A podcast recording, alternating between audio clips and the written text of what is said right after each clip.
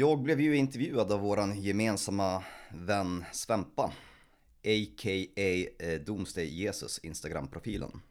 Doomsday, eller Doom, Doomdays, Doomsday, ja skit. Skit. Eh, jävligt kul var det. Ja det var kul att titta på. Mamma tittade också, det var också kul. Eh, I alla fall så frågade ni mig vad, eh, vilket avsnitt jag är mest stolt över, eller vilket som jag tycker om av alla 132, 133 med det här som vi har, eh, vi har gjort. Jag har lite svårt för det där, för jag tittar ju inte lite grann bakåt sådär, men jag känner alltid som mest pepp när vi gör de här avsnitten som vi gör just nu. När vi, när vi kör musiktips-avsnitten. Bäst just nu, då är jag som mest peppad. För fan jag gillar det här med, med att eh, tipsa om musik som man har hittat, kanske lite så obskyr och inte super, superstor och dela med mig den till, till folk och eh, vi får jävligt bra respons. Mm. Ja men det är kul att göra de här avsnitten. Det är, Jag håller med. Ja, det är jävligt många som, som säger att de har upptäckt väldigt mycket musik genom, genom oss och just de här avsnitten då, så att eh, det Du känner till ditt- kall lite grann. ja, Jag gillar att prata om ny musik och, och hur den berör mig och sen så hoppas att man kan på något sätt förmedla den känslan till, till en lyssnare som också känner typ samma sak som jag. Det där med beröra, det ordet, det kommer snart skrivas När man kollar upp det ordet eh, så kommer det stå att eh, Erik och Thomas gjorde det till sitt ord Bra, men då, då peppar vi och så kör vi.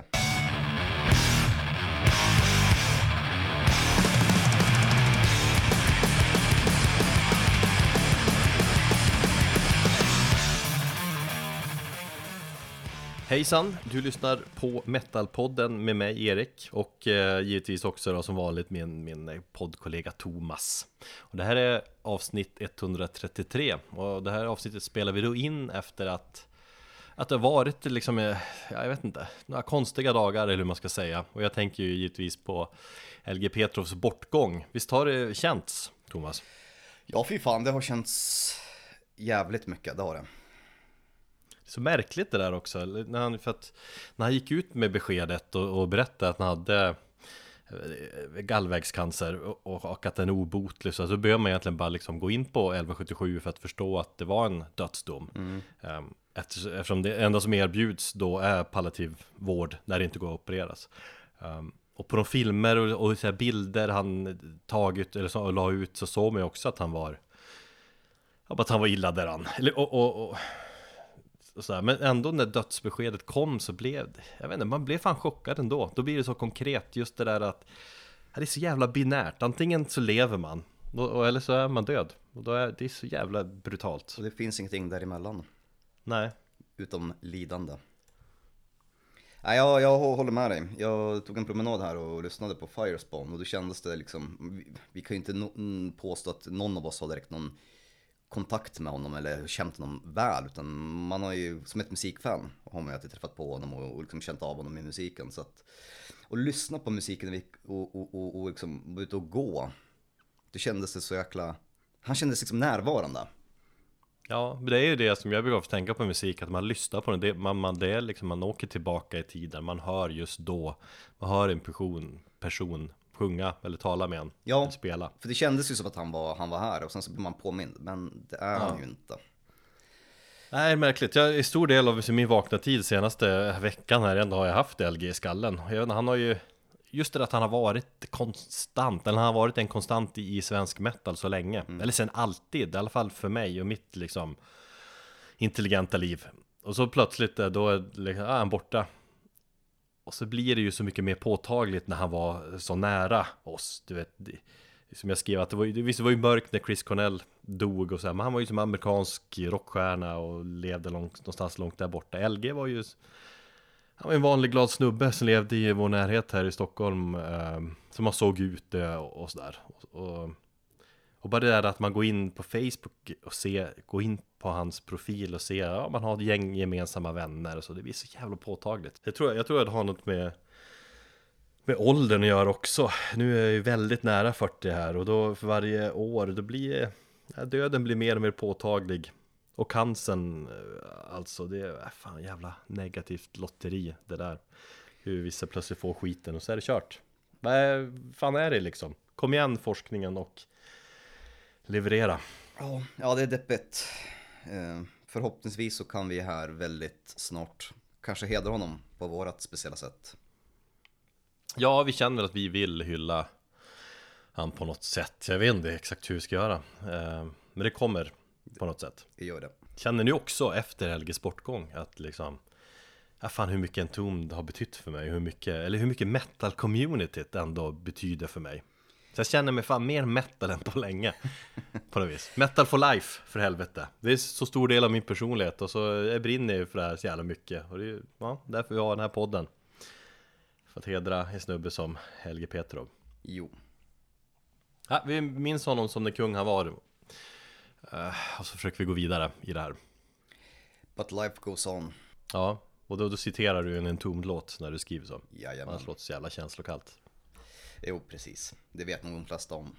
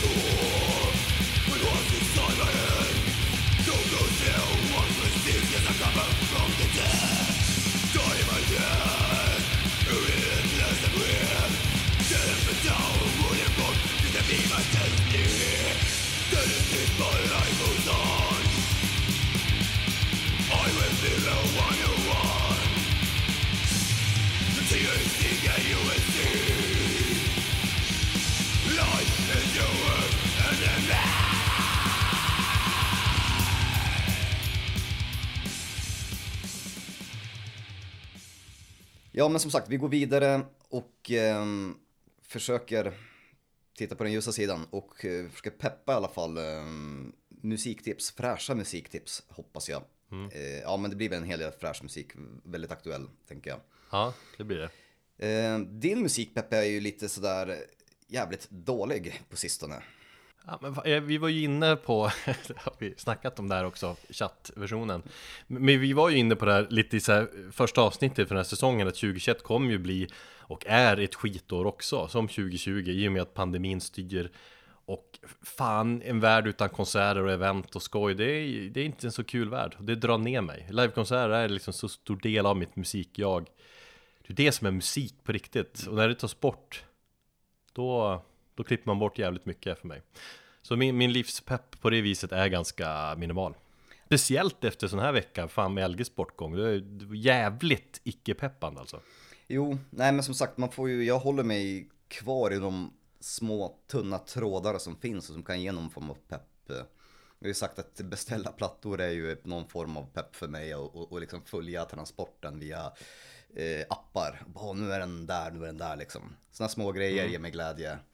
Att veta till exempel idag en bra release fredag, eh, musik från Enforced, eh, I Hate God, eh, The Crown. Tomahawk Tomahawk. Så att det, det, det, är de här små grejerna som man hå- håller sig, som ja, gör att man håller sig vid liv helt enkelt.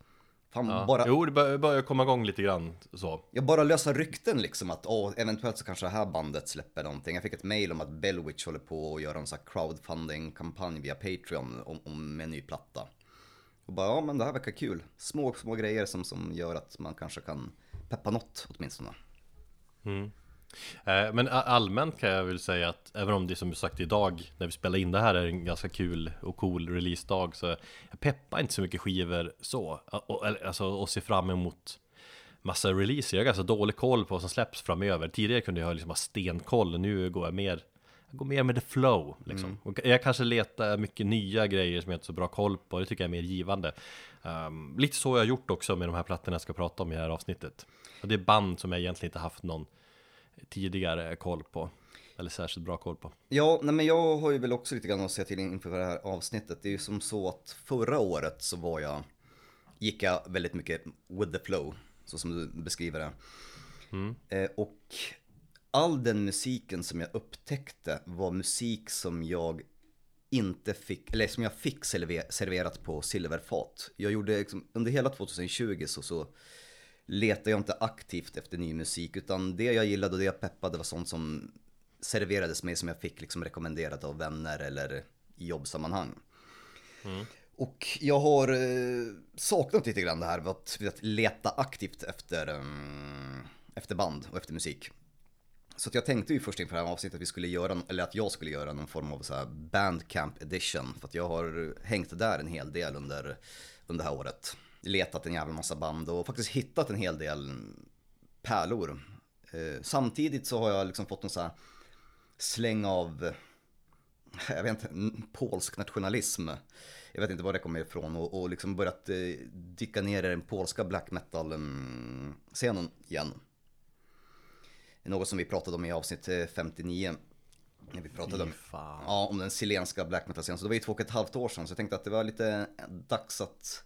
Det har ju hänt en hel del sedan dess. Så att jag tänkte att det var dags att dyka ner där. Så det här blir någon, någon form av blandning mellan polska musikrekommendationer och eh, bandcamp-fynd. Jag, eh, f- i första vevan kollade upp dina val och liksom såg att allting var någonstans i någon, någon typ av black metal-träsk.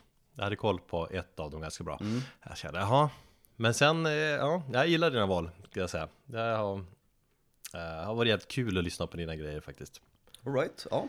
Så, men det blir kul, vi, som sagt, vi ska snacka massa musiktips och Ja, nej men sagt om, om nu eh, om Helge Petrov har varit en konstant i, dödsmetall eh, så, Jag tappar mig. Men, men så har musiktipsavsnitten i Metalpodden varit en, en konstant.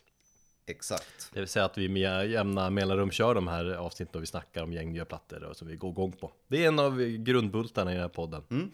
Och det gillar vi att göra mest som sagt. Så att det, vi kör. Alright, jag börjar då med bandet Thundering Hooves. Eh, ett bandcamp-fynd som jag upptäckte här i, i början på året. Jag tror de släppte skivan första veckan in på januari.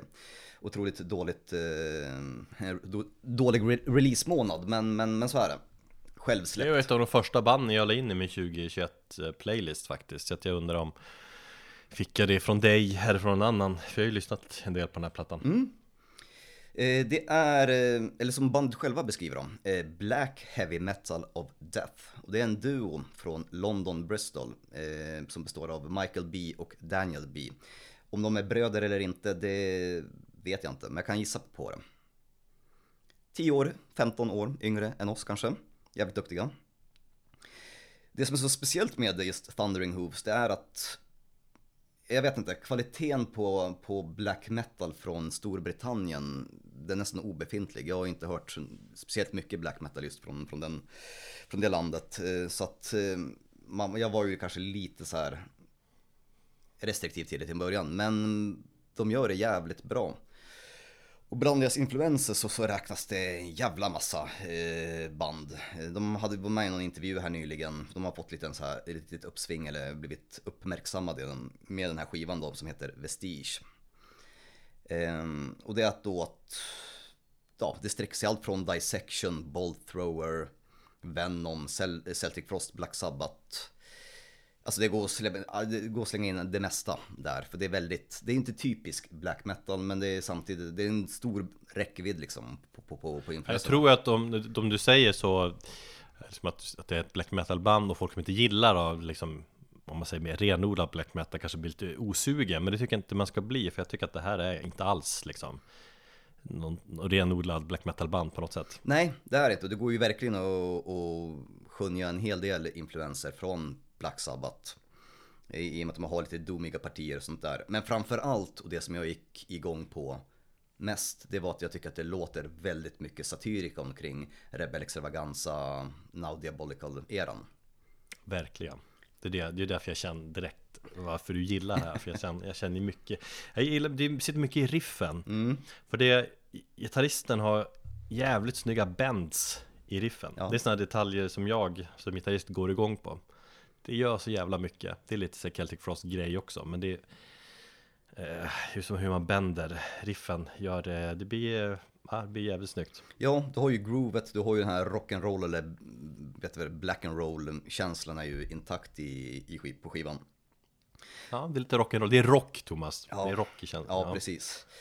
Ehm, samtidigt så, det här är också en, en typ av coronaplatta, har bandet själva sagt att de har, en- det var väl liksom pandemin som inspirerar dem att låsa in sig i en studio och, och spela in det här och utan pandemin vet jag inte riktigt eh, om projektet hade blivit av eller inte, men grabbarna kände att de hade all tid i världen så att de startade det här bandet och, och eh, släppte en, en, en, ja, en platta som de har liksom gjort helt själva och det är ganska imponerande bra kvalitet på det också. Mm. Och jag älskar ju genrebeskrivning eller att de kallar sig Black Heavy Metal of Death. För att det är så jävla analt med alla de här genrebeskrivningarna idag och det är, det är som att det har hängt kvar sen liksom slutet av 80-talet, början av 90-talet på något vis när Ja, när LG Petrov och gänget fick typ mordhot från töntarna i Norge om att de inte var true och sånt där. Är så- mycket sånt där hänger kvar fortfarande. Att det ska vara, men det här när de kör liksom det här breda, att det är liksom heavy metal och det är döds och black och kör någon skön blandning däremellan, det, det gillar jag. Sista spåret på skivan är ju kanske lite otypiskt för bandet, men de har den här black and roll-känslan går ju, det går ju som en röd tråd egentligen genom plattan. Men just på, på, på sista spåret så kan man skönja tycker lite, ja, ett mer isländsk black metal. Det, den, den känns lite konstigt placerad, det blir min enda anmärkning på den. Att det är en jävligt fet låt, men, men den sticker ut från, från de övriga spåren. I och med att vara lite mer dissonant och atmosfärisk och kanske ha mer gemensamt med Memgoa eller de isländska banden. Men på ett negativt sätt då? Nej, absolut inte. Jag tycker bara att den, det, det känns, det är en svinbra låt, men i själva albumsammanhanget så kanske den känns som att den, den sticker ut. Å andra sidan så är det väl en jävligt bra avslutare på, på skivan, tänker jag. Men vi ska faktiskt ta och lyssna på den här eh, riktiga black and roll-känslan som bandet förmedlar i låten Rex Nemorensis med Thundering Hooves från skivan Vestige. It is a fact, it is a desperately dangerous fact. It does exist, it exists around us today. Satanic ceremonies will be happening in Britain tonight. Very definitely. Ask any priest.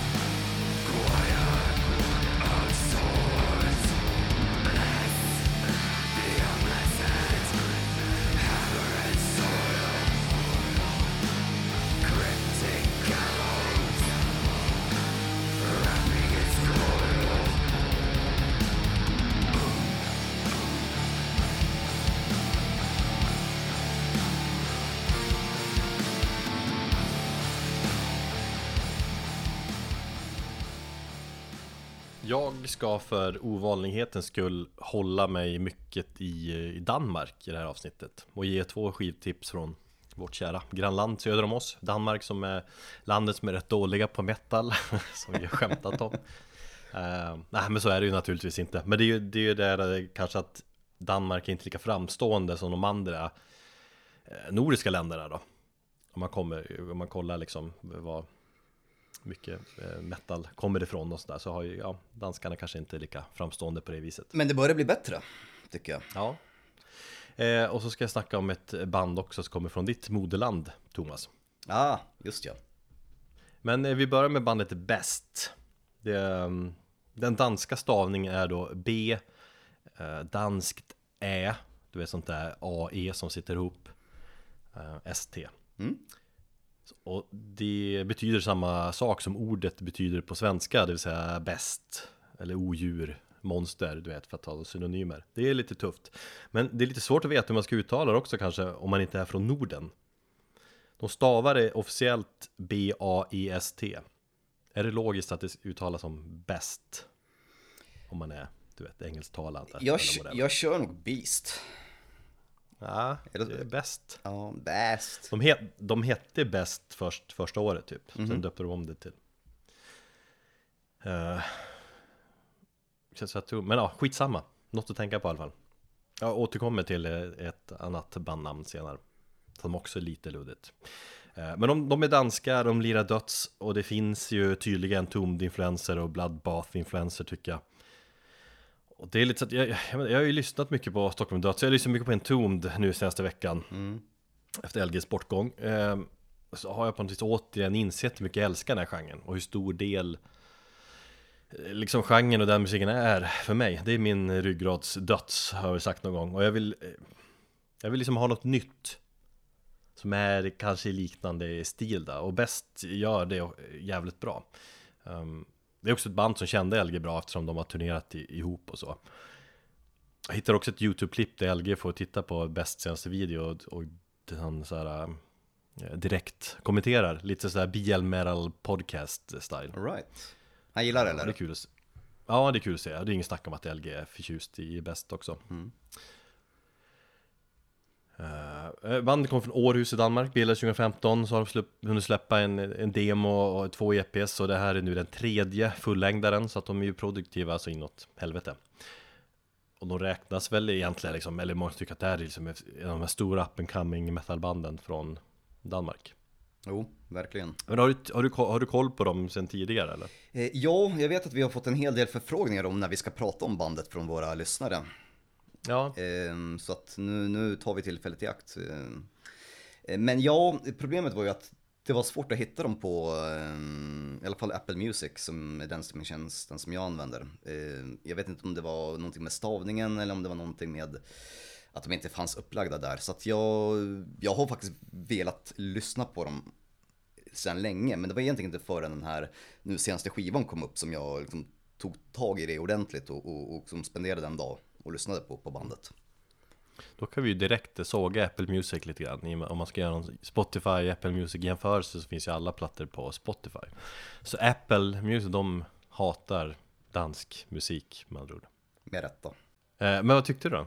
Är det, går igång på det? Jag, jag lyckas säga så att jag har ju lyssnat Tidigare har jag också lyssnat på de här eh, Ja, två tidigare plattorna som, som känns bra så här, men det var, jag vet inte, jag, ja, du vet så här, ja Lite åt liksom Stockholms dödshållet, eller de har väl andra influenser också men Det känns ändå som att de har tagit tydligt nästa steg med den här plattan Det känns allmänt bättre, bredare Det känns som att man anar en jävla massa självförtroende, massa riffande och ös och spelglädje liksom. Det är exakt mitt intryck också. Ehm, jag har för mig att ehm, de andra skivorna var inte lika välproducerade. För det var det första jag eh, märkte och kanske skulle anmärka på. Ehm, Det är ju att ljudbilden är jävligt tydlig. Alltså det är ju fläskig döds som Ja, fan. det är fläskig, så jävligt fet produktion Det, Så att, det går man igång, verkligen igång på Ja, det är absolut. Men, men skulle, ja nu ska man vara lite neg- negativ så tycker jag att det är nästan för fläskigt och nästan för klart ljud. Det är nästan för mycket perfektion i det. Det är så jävla snyggt gjort. Och det är så jävla tydligt. Fast det är också, ja. Samtidigt, de har spelat in det live, liksom det är inget klick och sånt där Så att det blir kanske lite mer organiskt, alltså live, bandkänslan liksom. Det är inte alla som klarar av det riktigt Men det är skickligt att göra det. Och det jag tyckte också, man hörde också att det blir Det är verkligen ett band som spelar. Framförallt så är det ett sånt här band som man, med just omslaget på Necrosapiens, tänker jag att det drar ögonen till sig.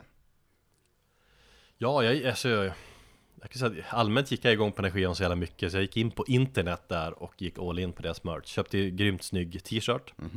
Med senaste, senaste omslaget där. Och så köpte jag senaste plattan på vinyl Den här eh, en limiterad glow in the dark version.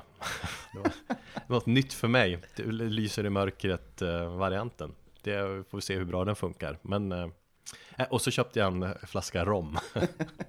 Kan den, kan den lysa upp din tillvaro när du sitter där i mörkret i källaren och, och smuttar på din rom? I, eh, liksom, I min eh, t-shirt och smuttar om och liksom på vinylen här och exakt, den lyser upp. 70 centiliter sprit, 350 dansk för en bäst rom, så jävla kung. Alltså där snackar vi bra merch som gör att man liksom man kan inte låta bli att beställa. Nu vet inte jag hur sagt den här glow in the dark grejen Men det är ju en säljpitch, vad fan Det är så man måste jobba. Jag tycker lite grann det är en gimmick som är lite väl överdriven det här med att de ska Jag har sett sådana där just glow in the dark varianter. Det har inte jag gjort, jag har inte la- lagt märke till dem Men jag är lite peppad. Men du, ro- rommen du köpte, var det från bandet? Någonting som de gjort eller var det bara en sidogrej? Nej, det är deras merch. Ja, Okej, ja, ja, alright. En flaska mörk rom liksom. 350 dansk, ja fan blir det, gånger 1,4 eller vad, vad danska kronan ligger på Känns ju hur värt som helst. Ja men det står ju ut, det var ju lite som, som Domkraft kommande platta också som har, de har 3D-omslag och så följer det med 3, 3D-glasögon Det är, Från 80-talet, jag hade ju ballar om någon hade fått en sån här VR-glasögon eller någonting. ah, det är ju lite, det ska ju vara lite old school. Alltså det är sjukt coolt och sjukt töntigt på en och samma gång. Och, och då blir det blir en must buy direkt tänker jag. Jo. Um, men, men snacka lite mer om musiken då, för att de, som sagt, det, jag tycker inte det, det är verkligen inte en kopia på bara liksom Stockholms döds, inget liksom. Med lik har ju fått en del kritik för att det är eh, Dismember Rakt av tycker många då. För jag, i bäst hör jag mycket amerikanskt döds också. De skriver själva att de går igång på straight forward döds som band som um, Dismember, Entombed, Morbid Angel, Death, Volt uh, Thrower. Um, Jag tycker också det är lite fel beskrivning för att uh, Alltså om man just översätter straight forward till jag, enkel. Mm döds. Jag går igång på plattan mycket eftersom den, den är varierad i stilen i dödsen. Ibland jävligt teknisk, ibland lite så här mys, lite smygproggigt vissa ställen. Ibland lite domigt malande i riffet och så bara ibland totalt jävla grindande och jag sett. Det är bra variation och så för varje, varje liksom genomlyssning så känner man att Ja, fan, nu hittar man ett nytt parti eller något nytt finurligt riff som man går igång på extra mycket eller en tempoväxling som man känner wow, fan vad coolt. Jag gick ju igång på den skivan för att jag hade någon sån här, jag var på dåligt humör i, i söndags och bara typ så här manisk städade lägenheten och eh, lyssnade på den plattan på maxvolym medan jag dammsög, tvättade golv och gick och fan dammade överallt. Och inte, och inte ville prata med en enda levande människa, inte ens mina barn. Ehm, Inte ens med mig. Nej, inte ens med dig. Ehm, hatade allt och alla. Men då, då, då funkar den ju skitbra som någon form av så här lite mer katarsis. Bara fick en, en form av eh, mental utlösning. Jag hade ju förberett mig lite grann på att du skulle såga den eller som känna att ah, du vet, Vet- Men det är härligt att du gillar den. Ja men vet du vad, jag ville såga dem när jag satte på dem för att jag tänkte nog att det här kommer nog vara för mycket av en kopia. Men, men jag ska erkänna så, så när jag lyssnar på det, jag att nej, det är, det är för bra för att kunna såga rakt av och hålla på och tjura om, om bandet. Jag tycker det är bra. Jag är inte såld till 100% så som du kanske är. Men, men jag, jag gillar det och jag kommer definitivt lyssna på det mer. Mm. Vi, um, vi lyssnar lite på låten Meat Hook Massacre som bjuder på ett jävla härligt smattrande, i alla fall första 30 sekunderna. Meat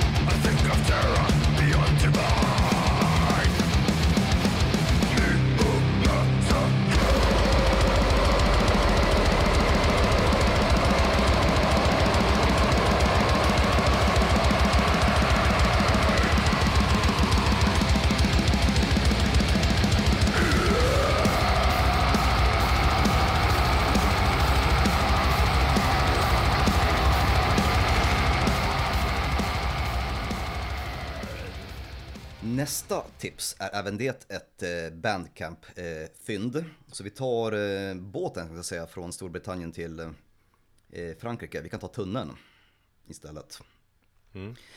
Ehm, och det är bandet Ferriterium. ehm, som är ett sidoprojekt från en snubbe som kallar sig för Raido. Eh, han spelar i eh, några större band som heter Carne, Malo, Malo, Malevolentia, Heimsgard. Och eh, Ferriterium, då det här sidoprojektet bildades 2010 och har släppt nu tre stycken plattor. Och eh, han är ju ensamt ansvarig för att göra typ allting. Jag har inte riktigt fått på det klara eh, hur det är med den senaste skivan, för det ska tydligen finnas en, ett gäng sessionsmusiker som har varit med på inspelningen. Ja, Bandcamp-sidan säger att en, han har en basist och en trummis som hjälper till i alla fall. Precis, i Metal Archives så står det att han är ansvarig för allting själv, så jag vet inte riktigt. Men om man går in på, på YouTube och, och kollar den här Black Metal Promotion som har lagt upp eh, albumet så kan man se att tr- trummisen hänger där i kommentatorsfälten och är jävligt stolt över inspelningen. Eh, det vi har att göra med är eh, black metal då. Som är någonstans i gränslandet mellan den här 90-talets eh, franska scenen och eh, ja, jag kanske skulle säga den isländska mm, nya moderna scenen. Eh, det är som vår vän Tim Bertilsson skulle säga, sling black. Det är hans benämning på den här typen av musik. Sling, vad, vad, Sling black. vad menar Ja men det är mycket slingor istället för riff. Mm. Och det är ju väldigt eh, talande för, för eh, ja, men typ band som Mgwa och, och de isländska banden. Mm. Att det är mer fokus på atmosfär och, och alltså melodiska slingor än vad det är på riffande. Ja, men det är någon blandning här, men det kanske var det du också sa. Ja, absolut. Ja, men du har ju som sagt, det är någon så här, eh, något gränsland. Jag hör ju väldigt mycket så här, tidiga franska band. Det finns ju en hel del Deathspell och Omega, även om det kanske är ganska att ta en genväg och, och slänga in dem som referens i, i Ferriterium. Men det känns som att de är liksom förespråkarna för scenen. Det är inte lika dissonant och lika liksom avantgardiskt som, som, som och Omega. Men, men det är fortfarande väldigt mycket kaos och eh, framför, framförallt eh, en bra blandning mellan brutalt ös och väldigt mycket melodier. Mm. Eh, Calvary, eller Calvare, eller något sånt där, ursäkta mitt franska uttal. Calvä. Calvär kanske det uttalas, mm, betyder Golgata och eh, syftar då på Kalvariberget där Jesus korsfäste, korsfästes. Och även A- Adams grav ska tydligen ligga. Så att det är ju en ganska talande mm, titel för skivan. Jag har hört en låt, jag har hört den låten du ska spela. Eh, hörde jag i natt, efter midnatt, vid halv ett. Körde den två gånger om och gick igång på den. Jag var jävligt jag var tveksam så här. Eh, men jag gick igång på den oväntat mycket. Just för att det var så jävla intensivt och fascinerande och liksom aggressivt och storslaget på samma gång. Ja, det blir bättre. Jag hade fan jävligt svårt att välja vilken låt jag skulle spela. Det är fyra låtar på den här plattan som rör sig kring 10 minuters eller eh, ännu längre. Är de. Ja men det, det är någonting, det var något speciellt, speciellt två riff i slutet där som jag gick igång på så inåt. Alltså det, något riff där vid åtta minuter sträcket som var äh, så jävla bra, som jag fascinerades av. Som jag kände att det där, varför kan inte jag skriva så här snygga riff? Nej, det är, det är en fantastiskt bra platta. Det är, det är typ ett av eh, de bästa skivorna jag har hört hittills i år faktiskt. Den, den ligger liksom topp ett om man skulle säga så. Om man skulle behöva göra en, en eh, årsbästa lista just nu. Det ska vi dock inte göra. Ehm, vad mer? Nej, vinylen eh, ska förmodligen släppas här i april. Eh, så förhoppningsvis kan man beställa den. Hoppas även... Köp. Ja, absolut. Eh, Jag har varit nära på att lägga en, en eh, order, men sen så insåg jag att min plånbok inte tål det, så att jag fick välja att prioritera andrat helt enkelt. Så det blev andra plattor istället. Men det verkar finnas kvar, så jag funderar på att lägga den. Jag hoppas också att eh, Thundering Hooves kommer med ett vinylsläpp här framöver också, för de har ju bara släppt digitalt och på CD här för mig. Okej. Så det vore jävligt schysst att få, få tag på de plattorna. Men Ferriterium i alla fall och eh, plattan Calvär. Eh, vi ska lyssna på låten La Apostasi. Som är första spåret på, på skivan. Fullt ös medvetslös.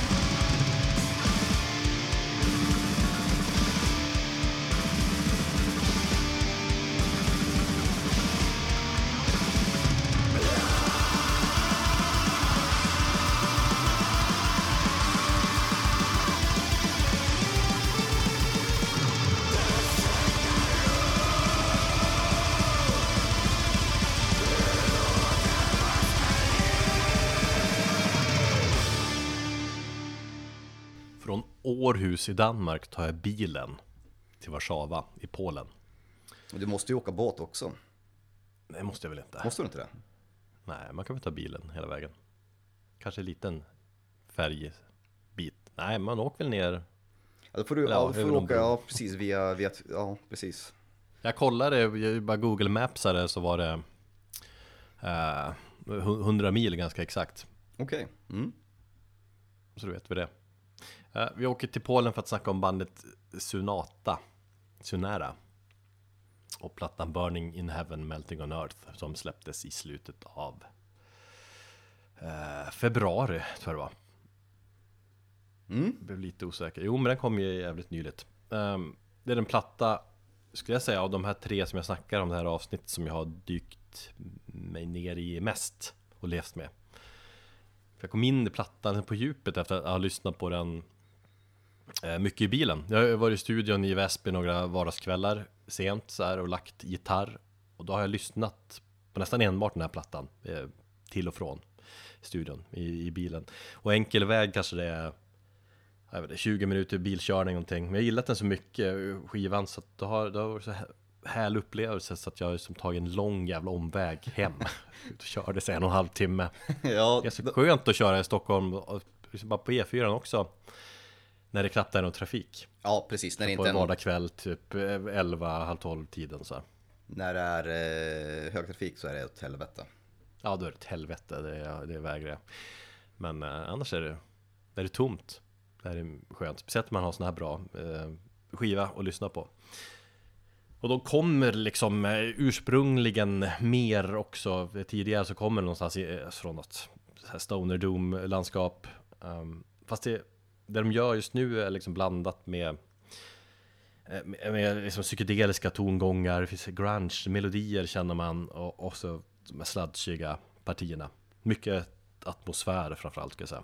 Jag har ju jävligt dålig koll på, på den polska Doom-stundscenen, men den ska ju frodas vad jag förstått. Det känns ju utan att ha någon koll heller, men som att den är ganska liksom liten. Och därför det, det är kul att upptäcka sånt här band då, från Polen. Det känns som att de skiljer sig mot de flesta andra band som kommer därifrån. Eller i alla fall de man har hört talas om. Ehm, och just de här, fast det är liksom de här blandningarna av stilen så känns det väldigt helgjutet. De har liksom genom att ta de här beståndsdelarna hittat en egen stil som jag tycker känns ja, men rätt unik. Själv kallar de sin stil för shamanic doom, alltså någon form av shaman-rock på något vis. Och jag vet inte, det känns som att det, det är en ganska beskrivande stil liksom för mm, den känslan som musiken gör ändå. Man får, man får lite känsla av andar eller något sånt där.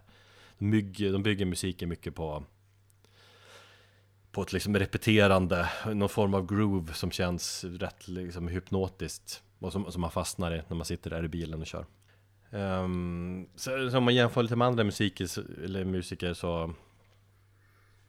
uh, jag får- jag får lite Mark Lanigan-vibbar från till. Mm. Och även mycket New Roses sådär, du vet, i alla fall från deras 2000-talsstil. Plattorna Eye of Every Storm och The Sun That Never Sets. Mycket det, du vet, så här psykedeliska, utsvävande. Nu säljer du in det. Ja, men jag gillar dem som fan. De, är, de berörde och fascinerar mig direkt. Och det är en skiva som det är lätt att sväva iväg i. Framförallt om man kör bil som sagt. Jag, jag såg en ehm, streamkonsert, var det igår eller förrgår, med dem. Den var cool som fan. De har ju på sig typ munkkläder, du vet, tända ljus och lite, lite mysig känsla. Och så snackar de lite polska halvvägs in i, i spelningen som de hade översatt. Um, och i det snacket kom det fram att de, de skriver alltid texterna sist. Att de, de skriver texterna tillsammans. Um, så att de jobbar, liksom, jobbar med musiken först och främst och så sen försöker de hitta en känsla där som de kör på. Uh, jobbar mycket med repetition och sådär. Och sen när musiken är klar så sätter de sig ner och försöker liksom tolka, vad, vad säger musiken till oss här egentligen? Ja. Vad vill musiken berätta? Och så har de försökt skapa temat utifrån det. De har även försökt skapa liksom texterna innan, men det har alltid gått åt helvete visst. All right. Uh, så jag ser framför mig hur de sitter där liksom i ring med tända ljus i skräddarställning och blundar och lyssnar och försöker liksom höra budskapet och skriva en text utifrån det tillsammans. Det känns lite spännande, uh, fast svårt. Jag tänker också direkt på uh, Some Kind of Monster, du vet alla då skulle vara med demokratiskt på alla delar. Och alla fick vara med och skriva texter också. Där kommer Metallica-referensen in. Ja, du vet James sitter där och får en post-it-lapp av Kirk. där Kirk har skrivit saker som You live it or lie it och fan är det mer? My lifestyle determines my death style och sådär. Åh, oh, jag tycker den raden är cringe. Ja, men det, och det, det funkar ju sådär då. Men det, det verkar funka bra för Sonata här. Sen är det något tema på skivan om ett ifrågasättande av religionen och dess makt och liksom att det här med att blint följa en ledare. Det känns ganska möjligen kopplat till Polen och att, hur det ser ut där och hur, hur funkar det att bo där. Jag är ju lite avigt inställd till den här beskrivningen om det skulle vara så här schamansk eller medaljongrocket. Det, det, det kan ju bli jävligt fel, men, men ja, men Roses-kopplingen kanske det går att hitta någonting. Ja, men de, de har något eget. Äh, fan, jag gillar verkligen den här plattan. Det är sex låtar på 45 minuter som alla, det är olika känslan, men just helhetskänslan, just den här shamanrocken genomsyrar allt ändå. Ja, jag får lägga till det på, på min spellista över saker att kolla upp idag. Det är som sagt, mm. det är en hel del. Det är mycket skivor idag. Mm. Uh, vi ska få lite känslan av plattan genom att lyssna på låten Crows.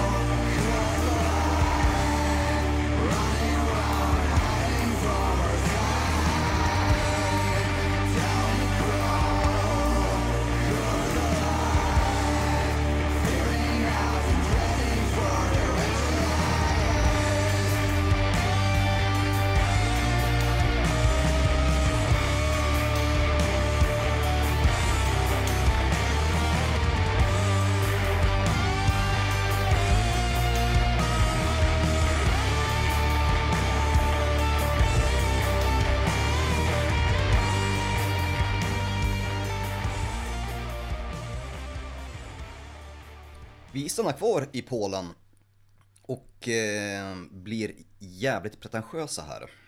Eh, vi ska ta och prata om bandet Furia som jag också pratade om i avsnittet om silesisk black metal. Och den lilla lokala scenen som, som finns där nere i området. Eh, ja, du, du pratade om dem där eller spelar någonting? Eh, ja, jag pratade om dem och jag spelade till och med en låt ifrån deras då senaste skiva då. Eh, Księżyc Milczelute, den kom 2016 och vi spelade in avsnittet i oktober 2017. Mm. Då hade jag precis upptäckt hela den liksom eh, scenen. Och eh, Furia är då precis aktuella här, de har en eh, två veckor gammal platta, eller EP. Så jag tänkte att, som jag gick igång på som fan. Det, det, det, vet du ju själv, jag skrev till dig. Jag blev lite förvånad där. Eller, det känns som att du tog med den här mycket för att tisa mig och mitt eh, avantgarde-sinne på något vis. Men jag älskar ju också att du går igång på det här. Ja, jag tänkte att vi kanske kan eh, slå, slå död på den här myten om att jag skulle vara inskränkt musiklyssnare och bara gilla OCDM liksom. Eh, Nej, men det är kul att du har den myten, så blir det diskussioner. Absolut, det är ju, det är ju väldigt eh, avantgardiskt om man säger så. Eh, Furia började mm, mitten av 2000-talet som ett renodlat polsk black metal-band. Och har ju gått eh, egentligen från andra plattan och, och fram tills idag har de ju bara utvecklats och gått ifrån sina black metal-rötter ganska mycket. Eh, bandet själva beskriver sin musik som necrofolk just nu. Och jag tror det är ännu mer eh, tydligt på, på just den här nya skivan då som släpptes än om man jämför med till exempel 2016 års platta. Där skulle jag kunna beskriva att musiken var, jag skulle kalla det för lounge black. Det var lite jazzigt, det var lite, ja men lounge-musik. Det låter jävligt dåligt. Ja, alltså, ja men det gör det. Men... Necrofolk, det, det, det köper jag, men lounge, det är liksom bara såhär ah, Ska vara bara på lite i bakgrunden, ska man inte riktigt bry sig om Ja men det är så, det är väldigt mycket improvisationer, det, det är, det är väl liksom så här jazziga utflykter blandat med psykedelia, blandat med, med ambienta grejer, med syntar och sen så helt plötsligt kommer ett black metal-rens in. mm. Och jag trodde lite grann att skivan skulle, den nya skivan då skulle gå i samma spår, men nej men då skiter de det fullständigt och, och börjar kalla sig för necrofolk och spela superpretentiös musik. Och här ska ni få höra på en liten utsvävning då. Eh, det här albumet, de där sjätte albumet, eh, heter Vishnjalni, som löst skulle kunna översättas till Drömrummet. Ja. Eh, och det är... Målande Vad sa du? Ja, det var en målande beskrivning Ja, precis. Och det är, ja, till och med omslaget kanske väcker de associationerna för det är väldigt också atypiskt eh, black metal-scenen. Ja, verkligen så här är det, att eh, 1901 släpptes det en, eh, en pjäs, en teaterpjäs som kallas för Bröllopet, eller Bröllopsfesten. Ehm, som är i Polen en ganska så stor och, och känd eh, pjäs som, som beskriver lite grann Polens historia och de flesta känner till den. Det är liksom ganska ingrott i, i de flesta polackers medvetande, just den här pjäsen. Eh, 2016 eller 2017 så spelade bandet eh, med, eller de, de, gjorde, de var liksom kompband till en eh, teateruppsättning av just den här pjäsen. Genom åren så har det kommit liksom flera olika tolkningar och alla har gjort eh, sina varianter, modernare varianter av, av den här pjäsen då. Eh, och eh, bandet spelade då live tillsammans med den här teateruppsättningen. Och nu har de kommit med en, ett, en skiva då som är deras egna tolkning av den här pjäsen i musikalisk form. De har ju själva sagt att de vill försöka skapa en form av fantasiteater, en gammal eh, radioteater. Och eh, eh skivan ska ju egentligen inte ses som någon form av traditionellt album i den meningen utan ja, du har ju själv hört den så du förstår ju, det är ju ganska mycket teaterinspirerat. Mm, ja, jag förstår det mycket mer då faktiskt. Um, jag har ju hört ena låten. Mm. Ja, nej, men själva den här mm, pjäsen som den bygger på, det, jag ska inte gå in på i detalj vad den betyder, men den, den är uppdelad i två akter och, och handlar om Polens historia och den liksom förvandlingen som Polen har gått igenom historiskt. Um, Samtidigt som det har blandat in lite fantasielement också och, och som möts de här två världarna. Så det har ju blivit en väldigt populär och, och stor liksom, eh, pjäs som, som har ett, som ett stort kulturellt värde i Polen. Och i deras tolkning då på den här skivan då så har de ju också två akter egentligen. Eh, eh, en akt då, den första där de har med en, de har ju dels en gruvarbetarorkester de har eh, skådespelare eh, från den här polska nationalteatern då, den gamla polska nationalteatern. Som har haft med i inspelningen av själva skivan och eh, plattan är inspelad i en målarstudio. Fan, det är så bortom pretentiöst så det finns ju inte. Ja, det är det, men fy fan vilken jävla emotionell sträng plattan eh, slår an hos mig. Och, och jag själv har inte liksom förstått det, för som sagt, det är ju egentligen bara liksom deras musik är någon form av så här ljudkuliss till, till dialoger Och de här dialogerna är i sig, de säger inte speciellt mycket. Allting är på polska givetvis, men, men liksom, man behöver inte vara polack för att inte förstå egentligen vad som händer. För det, det, det är folk som skriker, går omkring och smäller i dörrar och, och svär och det är bara kaos. Och, och, och Ja, fast... Uh, både och där. För mig var det första sex minuterna tycker jag var kändes onödiga liksom kanske. Och då är jag rätt likgiltig. Men sen någonstans där tio minuter så kom jag in i den. Och liksom på något vis fatta lite mer. Ja, nu försöker jag ju, eller köper jag ju lite mer också. Men just, jag tror att det finns en de ribbar där låt, eller en höjd låt som jag inte riktigt når upp till. Och just på grund av polskandet. Där kan du säkert höra lite mer vad de, vad de säger och så. Absolut, jag hör vad de säger, men, men jag förstår fortfarande inte sammanhanget. För det är egentligen bara en eh, massa liksom, kalabalik och kaos och, och jiddrande fram och tillbaka. Det är bara folk som skriker kurva och frågar liksom, vart ska vi gå? Liksom, vart ska vi? Öppna den där dörren. Och så smäller de i dörrar. Jag tror ändå att jag hade fått ut mer av ändå, eller om jag hade velat ha den på svenska typ. Mm. Ehm, Ja, abs- Men ja. absolut. Det kanske finns en, en språklig barriär där som kanske underlättar för mig. Eh, alltså jag har tyckt att den, den har funkat skitbra som så här insomningsmusik och, och ha på den i bakgrunden på repeat liksom under tiden jag har jobbat. Och bara hänga, hänga med i det här, för du ska liksom inte... Det är, liksom, det är svårt att ta till sig nu när vi ska spela den här eh, musiken. Jag ska ju bara spela lite några minuter. Men, men det är liksom svårt också. Det är ungefär som att komma in mitt i en teaterpjäs och bara vad är det som händer? ja, nej, det är svårt. Man måste ju följa med på resan från början till slut och, och, och liksom egentligen, ja, som du själv säger, liksom stänga av alla känslor och bara följa med liksom.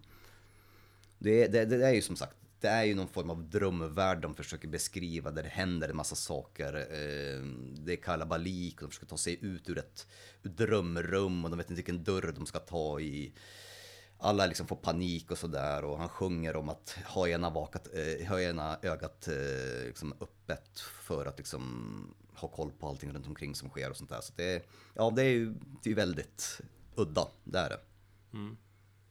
Men ja, som sagt, det, jag, jag gick igång på det som fan.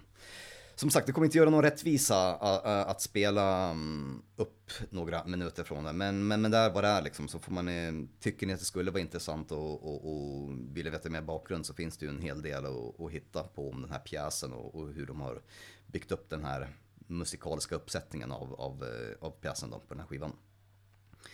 Så vi ska lyssna på låten eh, Vesele Vsnjalni av bandet Furia.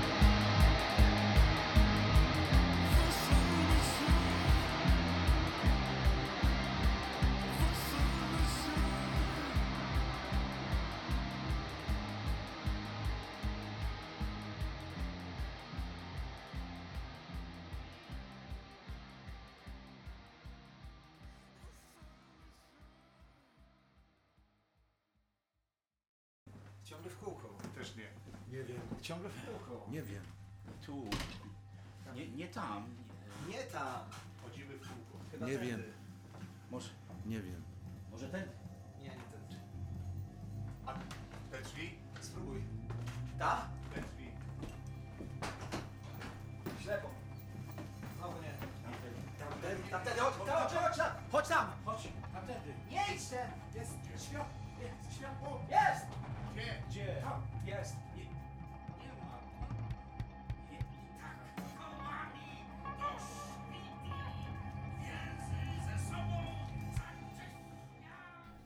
Tog bilen tillbaka till Danmark då, då 100 mil som sagt. Så ni vet när det är här i, i Geografipodden. Vad onödigt att åka fram och tillbaka så här. Han hade kunnat stanna kvar. Ja, men jag kände på något vis att jag ville ha det här upplägget. Mm. Det kändes rätt. Jag vet inte varför. Eh, men nu är vi i Danmark i alla fall igen och vi, jag vill prata om bandet uh, Ayotan. Eh, jag tänker att vi stannar även här vid bandnamnet lite. Det är fornnordiska, om jag har förstått det rätt, eh, betyder jätten. Så egentligen säger man kanske Jotun eller något sånt där.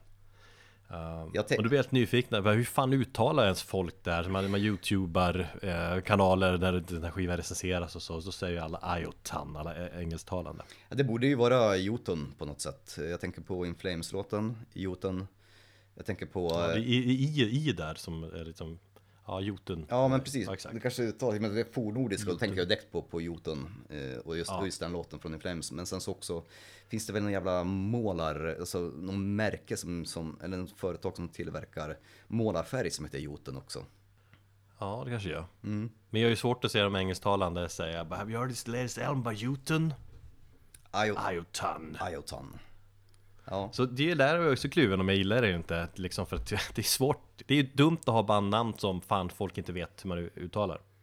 nej, sant. Eh, Men jag gillar bandet jävligt mycket och, plattan som jag ska tala om heter Access All Worlds. Ehm, och det är deras fullängdsdebut. Tidigare har de släppt en EP på egen hand 2016. Eh, men sen har de genomgått lite medlemsbyten och, och där utvecklat musikstilen och så har de släppt den här fina debutplatta då på Metal Blade också kan ju tilläggas. Det känns lite otippat. Eller jag, ah, Metal Blade är ett breda ändå. De har ju fan lite allt möjligt känns som. Eh, Den är inspelad av eh, Fredrik eh, Nordström, eller Herre Studio Fredman. Många mellodötsar som du Thomas har ju koll på den studion. Jajamän, jag visste inte ens att den var aktiv längre, men jävlar. Jag ville säga att man, om man har hängt i den studion, det har jag ju inte gjort, men, men det var ju liksom I princip har man ju det. Det var ju en, ja, en kvalitetsstämpel när man kollade upp Göteborgsstudsen på, på sent, eller på 90-talet och 2000-talet. Ja men vad fan, jag tog ju At the Gates eh, plattan, eller Arch Enemy, Dark Tranquility, In Flames, Soilwork. Alla har varit You, där. you name it. Ja. Sabaton tror jag också, spelat in där. All right. Ja, se där. Eh, Men, men, men uh, Ayotan här, första tanken med det när, liksom de här musikskaparna startade i en tidig version av bandet var att spela uh, någon form av 70-tals space rock. Och sen har det här konceptet utvecklats för att liksom ha, hittat hem. Ehm, jag fick en, ett tips om den här plattan från någon och jag liksom bara gick standardmässigt in på Metal Archives liksom för att kolla för att få det här första, liksom vad är det för band, vad kommer det ifrån, vad spelar de för stil? Och så vidare. Eh, och där beskrivs den som, eller genremässigt, eh, som progressive power metal. Fy fan. Och då tänkte man, exakt, ja, tänkte man. Dock så är ju Metal Archives extremt eh, liksom anala med sina genrebeskrivningar. Så det, det, är inte, det är inte alltid helt talande. De bestämmer ju lite själva också, Metal Archives-folket, att nej, ni spelar inte den här stilen. Ni spelar Ja, de är jävligt hårda på det power där. metal. De är jävligt hårda på det där ja.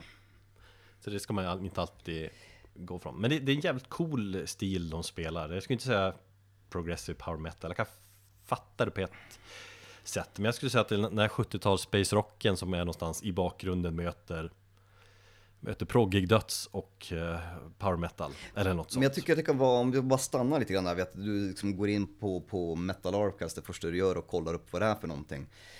Mm. Jag är ju- skyldig till det också, men ibland så är det inte bara bättre att, att lyssna på, på, på, på musiken innan du kollar upp det. Det är ju lite grann den approachen som jag haft när jag varit på Bandcamp, att jag har försökt köra det här eh, skivbutiks eh, tänket, att jag bläddrar där i flödet bland rekommendationer och så, så klickar jag på, på den skivan. Alltså det, det, det jag ser det är ju omslaget. Det är omslaget som liksom drar till mig blicken. Och så, Det där i tanken absolut, men så lyssnar jag på, Ja, och sen så lyssnar jag på är det och sen så läser jag kommentarer och eventuella beskrivningar efteråt. ja. För att vara så, så öppen som jag kan utan att ha påverkan från någon annan som skriver att det här är svinbra, bla bla bla liksom. Ja. Eh, absolut, jag förstår det. eh, I tanken sådär. Men det är sällan man hamnar på det viset. Så att oftast får jag ju tips av någon. Eller på något sätt. Liksom. Man vill ju se någon annan som gillar det. Jag menar, fan, jag får ju länkar, det skickas musik hela tiden. Jag liksom lyssnar. Jag hinner inte med. Jag... eh, Ja, I regel så lyssnar jag ju inte på när folk skickar musik. Om du inte säljer in det riktigt jävla bra. Om man inte säljer in det. Liksom om, om, ja, det värsta jag vet är liksom bara på Messenger, man får bara en Spotify-länk. Eh, De flesta som vet, eller som känner mig vet ju att liksom, lyssna, men jag, fan, man måste ju sälja in det med, en- med en mening i alla fall. Ja, absolut. För annars har jag de här andra hundra plattorna minst i bagaget som jag redan har, eller vill liksom lyssna på. Men jag gillar tanken där att vara helt, men det är lite så man gör man börjar liksom, man läser lite om det här, det här är bra, du vet. Olika kanaler man använder, om det är bloggar eller YouTube-kanaler eller fan tidningar eller polare, vad som helst. Man har ju som olika filtreringskanaler. Uh, nu vet jag inte vart jag såg det här men, men det blir så att man öppnar, jag, ofta, jag går ofta in på Metal Archive, det är någon typ av grund liksom. Man ser, vad fan, var kommer bandet ifrån och så vidare. Hur många skivor har de släppt? Vad fan, vad är det för medlemmar? Oh, det är han som kommer det för det med bandet. Intressant. Men visst, det där att, liksom, att släppa helt och liksom helt bara åka upp i rymden och bara blunda och bara lyssna, ta in sig utan att ha några fördomar eller någonting. Eller några förväntningar eller något. Det är, I teorin är det jävligt härligt. Men det är sällan man, man gör så. Det är väl det som är lite tanken då, för att igen då, om, eller nämna BL Metal Podcast, eller hur? Han gör ju den grejen. Han får liksom, han får låtar, skickar till sig, han trycker bara på play. Spontant. Fast då börjar han ju, när han gör det också, så börjar han, då gör han ju det liksom. Att han börjar googla och prata om bandet. Ja, Vad som kommer upp. Jag ska faktiskt eh, spela in ett avsnitt åt honom här efter att vi är klara med den här podden. Just ja, mm. vad kul. Så inom en snar framtid så, så kommer jag gästa där. Jag, ju, jag gillar konceptet, jag tycker han gör det bra. Jag har ju lite svårt det där med att döma snabbt. Liksom. Jag har- anar någon potential, men det är, som sagt, jag vill gärna ta tid på mig innan jag ger ett utlåtande. Är det här bra eller? Jag vet inte. Det har potential, jag måste lyssna igen. Och så. Jag tycker det är ett kul koncept, men jag, jag köper också ibland, är man kanske i fel sinnesstämning. Jag känner också, jag fick ju låtarna skickade här till mig idag faktiskt, så jag ska väl ta och trycka på rec och bara börja lyssna på dem och, och, och, och se vad jag tycker. Och är jag i fel eh, mindset och bara tjurig så kanske jag ratar allting, och vilket kan ju bli lite fel det också. Ja, precis. Nej men fan det är kul, och, kul att vara tjurig ibland också. Ja. ja. Jag gillar inte att hata. Jag har för mycket hat. Äh, hata mer. Ja. Ja, där kom vi av oss lite grann. Är vi ett sidospår. Men vad, vad var det jag pratade om? Eh, Genren? Progressive power Sjuttio- metal. Ja, eller 70-tals eh, space rock möter progressive death metal och power metal. Något sånt. Fy fan, det låter bara värre. Ja, jag vet. Och varierad sångstil också. Första gången jag lyssnade var jag liksom jävligt tveksam. Men, men sen det sätter sig ganska snabbt. Och sen, sen tycker jag det är svinbra. Mest för att det är så jävla välgjort. Så att det är så grymma hooks och melodier och det är... Alltså det är inte sådär superproggigt, utan det är lämpligt proggigt. Det skenar inte iväg. Okej. Det finns någon sci-fi story där också om någon space traveler som försöker hitta sanningen om, om människan genom att åka runt i universum eller något sånt. Och det är väl inget som jag har engagerat mig i, men det är ju alltid ett plus med att det finns ett sånt eh, sci-fi tema i bakgrunden. Men det finns en del grejer som står ut här och det är dels bröderna Gräs som spelar gitarr. De heter Gräs i efternamn. Det är så jävla härligt eh, Christiania-kompatibla danska efternamn där. Det är inga artistnamn då alltså? Nej, Bröderna Gräs. Vi har Bröderna Grus i Sverige, i, i, i Danmark har de Bröderna Gräs.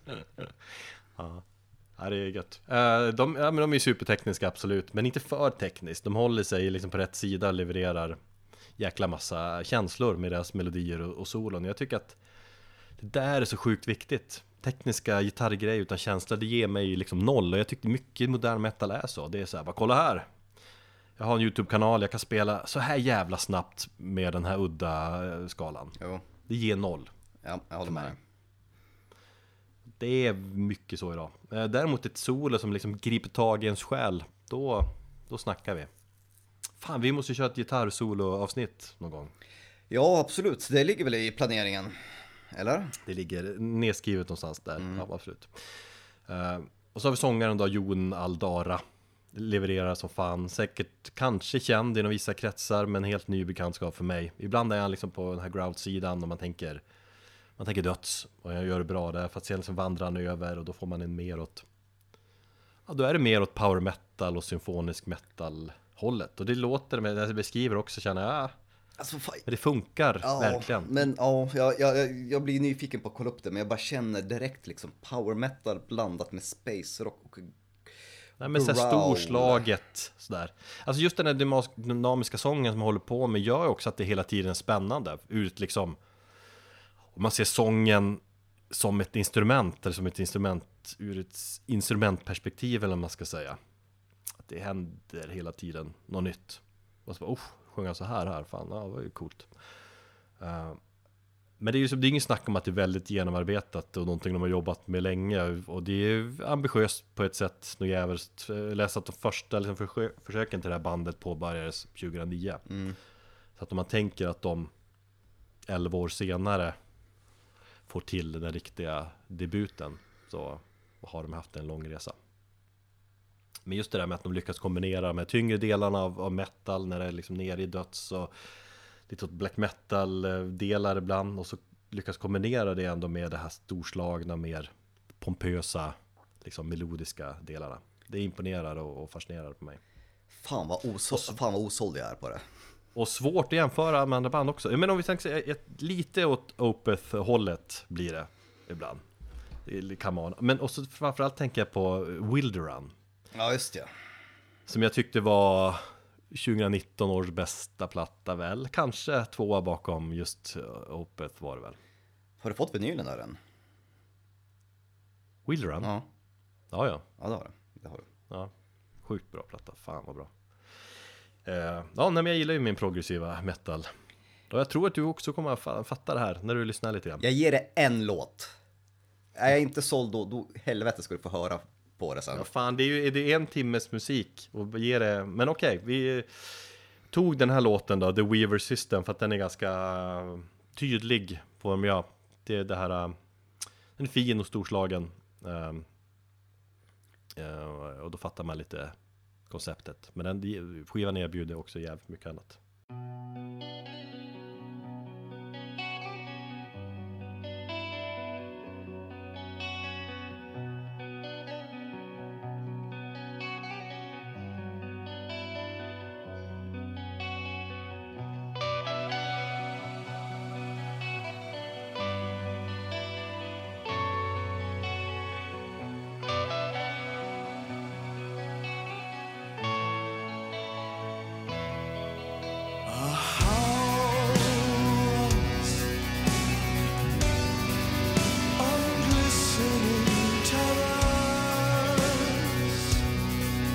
that hope.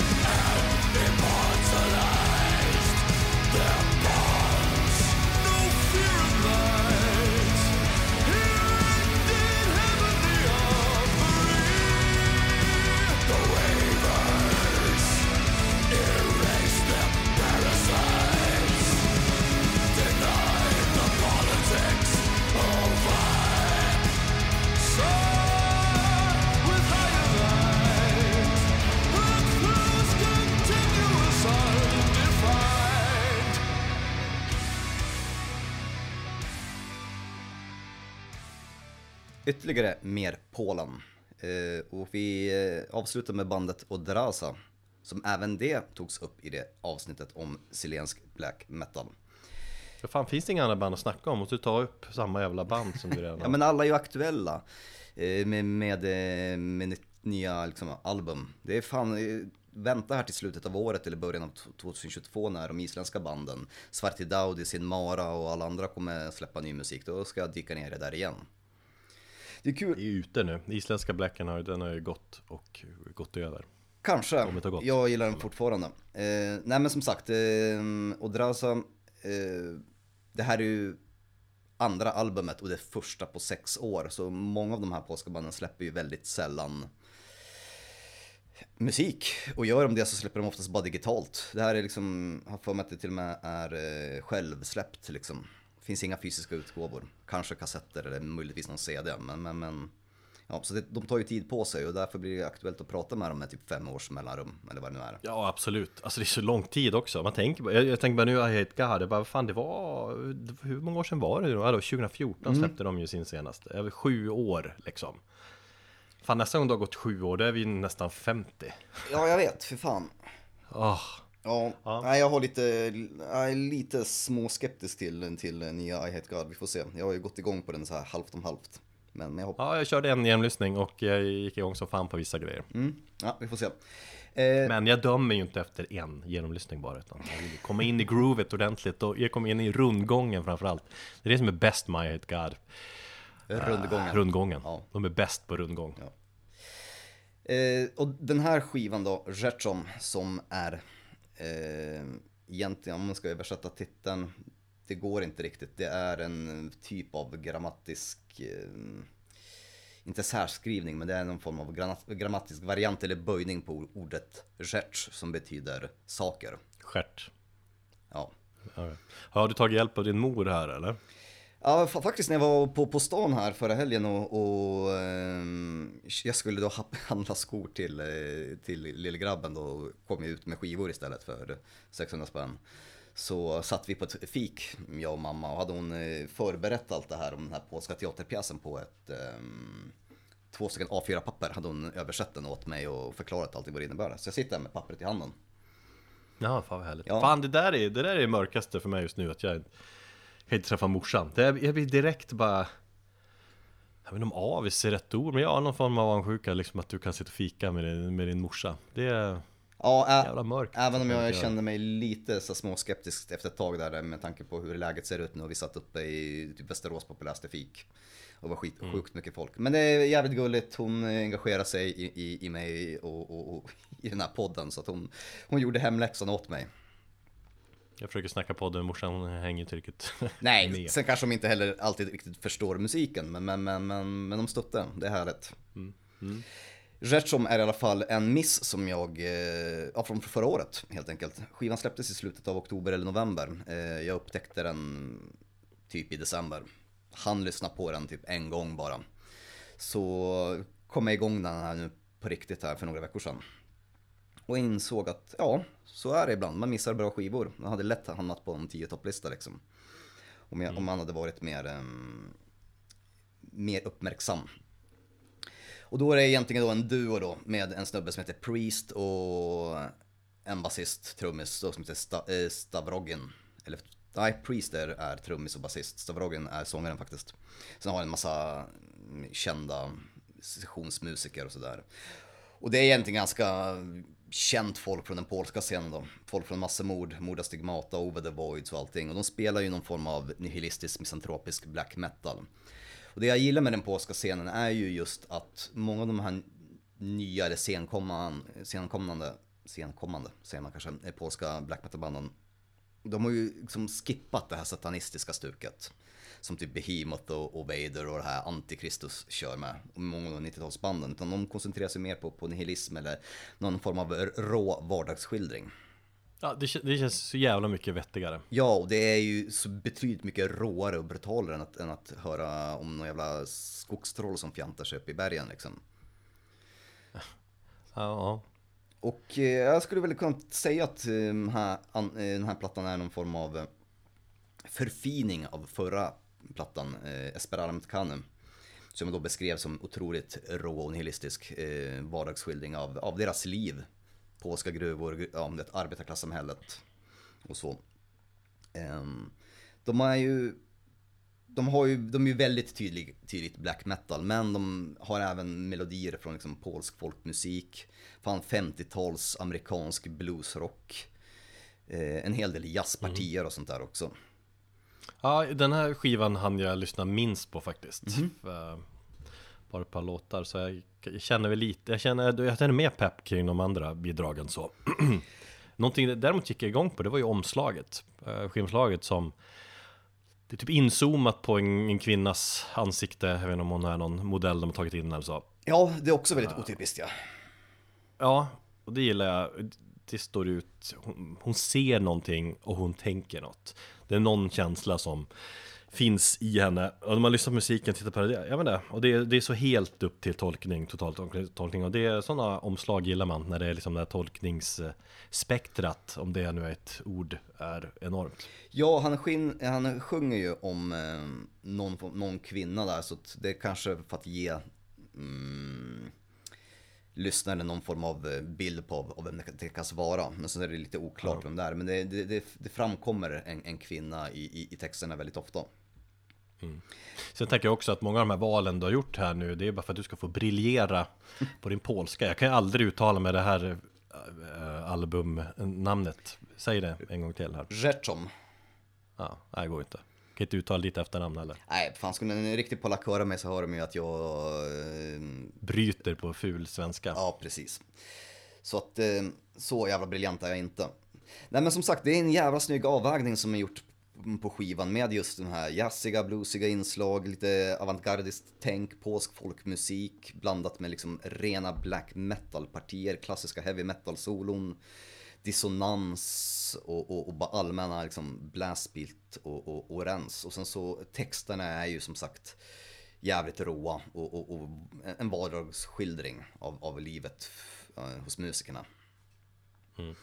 Så att det blir, det blir liksom en, en helhet och just att produktionen också är så här, inte typisk black metal, det är ingen jävla lo-fi eller old school, utan det är en ganska modern ljudbild med eh, liksom feta och tydlig, tydliga instrument, man hör basen tydligt och allting och ehm, det, ofta så kanske jag kan tycka så här modern, om vi nu ska gå tillbaka till bäst och, och snacka om att jag tyckte att det var kanske för snyggt så tycker jag att i Odrazas fall, och speciellt när det är då ett liksom black metal band bara vänder på steken och kör liksom tydliga feta ljudproduktioner så tycker jag det är skitbra i deras fall för det, det, det ger en ytterligare dimension till musiken.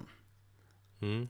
Det blir, en sån, Ja, jag kan, det blir jag känner tyngre. att vi kan snacka, vi kan snacka så mycket om bäst ljudbild. eh, Men jag tyckte fan det är helt positivt. Alltså mycket old school eh, dödsmetall har ju, försöker låta lite mycket old school. Jag gillar när man är, man, de har ju något typ old school tänk bäst, men med en kanske lite modernare eller fläskigare produktion liksom. Mm. Ja men det är väl typ här är det samma sak liksom. Ja, exakt. Eh, vi ska lyssna på låten Bempo. Vad det betyder det har jag ingen aning om. Och där har vi så här typiskt eh, Odrasa-stuk där de bara blastar på. Vi ska lyssna faktiskt på en, vi ska avsluta med den då och lyssna på en ganska lång bit tänkte jag på låten bara för att man ska få in känslan. Vi snackar om ett blastparti på 2-3 minuter långt eh, och sen så inkommer det bara helt plötsligt ett jävla solo. Apropå snygga solon. Som ger exakt samma effekt som solot i Katatonias Untrodden. Ja. Du vet den här, du, du får den här liksom gåshuden. För den kommer liksom, när, när du lyssnar på den så, den känns inte malplacerad men, men, men liksom solot är inte instoppat bara för att det var ett solo utan det är en snygg grej som kommer in och sen avslutar den låten. ja, de vill säga någonting med solen. De vill säga någonting. Det- Det är ungefär som om vi ska snacka i Tobias Forge-termer. Det är liksom gå upp en, en nivå. Nivå 11 liksom, rock'n'roll moment. Vad gör man liksom om man, man står där på scenen och alla liksom reglage, allting är, upp, upp, är på 10, vad gör man då? Vart går man då? Då går man till 11 Ja, Precis, och det är exakt det de gör med, med den här låten. Och det är så otroligt eh, snyggt gjort. Och det är bara gåshud all over the place liksom, när, jag, när jag hör den låten. coolt. Så, det var dessa musiktips för den här gången. Ja, det var härligt. Fan, det var kul. Jag, som sagt, jag gick igång på dina, ja, förutom att jag hann inte lyssna på det här sista och dräsa så mycket. Men eh, annars gick jag igång mer än vad jag trodde på dina grejer. Bra, men då tycker jag att du ska lyssna mer på Adrasa när du får tid. Det ska jag göra. Härligt, eh, då ser vi så, så lyssnar vi på Bempo nu och lutar oss tillbaka och känner den råa vardagsskildringen från Polen. Ja, Tack och hej, tack för att ni lyssnar. ta hand om er. Hej då. disturbing.